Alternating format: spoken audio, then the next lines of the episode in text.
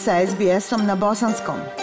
Pronađite još sjajnih priča na sbs.com.au kosacrta bosnijan. Slušate program SBS radija na Bosanskom. Pošto je mjesec juli mjesec svjesnosti o sarkomu, donosimo prilog o novom istraživanju u Australiji koje bi moglo dovesti do ranijeg otkrivanja ovog opasnog tipa raka i bolje stope preživljavanja. Sarkom je jedan od najagresivnijih i najsmrtonosnijih vrsta raka i najčešće se nalazi kod djece. Stope preživljavanja su niske, a tretmani za ovu bolest nisu se poboljšali skoro 40 godina. Međutim, novija australska istraživanja mogla bi dovesti do ranog otkrivanja i boljih šansi za preživljavanje onih kojima je diagnosticiran. Prilog Lucy Mari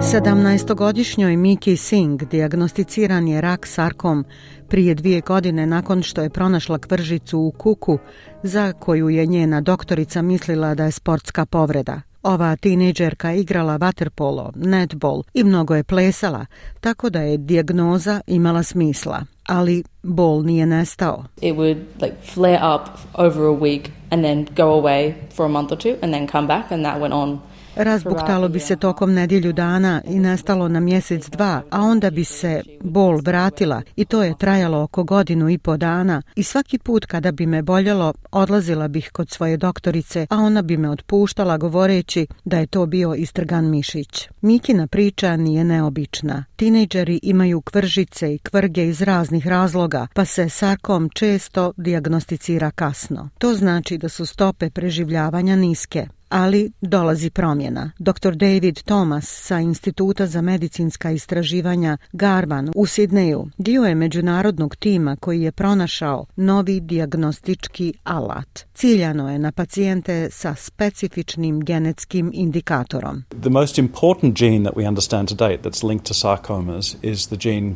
TP53.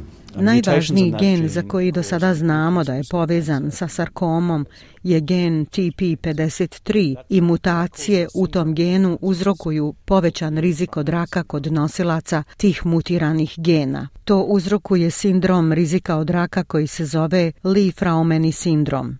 Znajući to, dr. Thomas je počeo skenirati ljude sa Lifraumeni sindromom od glave do pete sa magnetnom rezonancijom cijelog tijela. Tokom decenije kliničkih ispitivanja on i međunarodne kolege često su otkrivali rak u ranoj fazi. Jedna od 14 skeniranih osoba imala je sarkom za koji nije znala. Rana dijagnoza značila je da su liječnici mogli operisati i ukloniti rak prije nego što se proširio. Uh, an example, the first patient we pick up a, a tumor in um, had a tumor of uh, the, the lumbar musculature at the back of uh, Na primjer, prva pacijentica koju smo operisali imala je tumor u lumbalnoj muskulaturi pored kičme bio je potpuno asimptomatski. Nije imala nikakve simptome, ali to je bio liposarkom koji je mirovao u njenom mišiću i pošto smo ga otklonili, mogli smo je dalje liječiti. To je program koji dr. Tomas želi vidjeti proširenog. On ima prijedlog za Ministarstvo zdravstva da se godišnje skeniraju mladi ljudi s genetskim markerom koji pokriva Medicare. Trenutno skeniranje košta više od 800 dolara. Prijedlog je na razmatranju, a ishod se očekuje u roku od tri mjeseca. At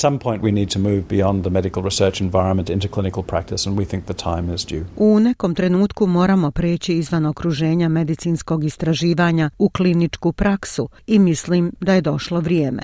Za Miku Singh njen sarkom je pronađen na vrijeme da bi bio uklonjen operativnim putem. Ova 17 sada je bez raka, uči za maturske ispite u 12. razredu i planira svoj život.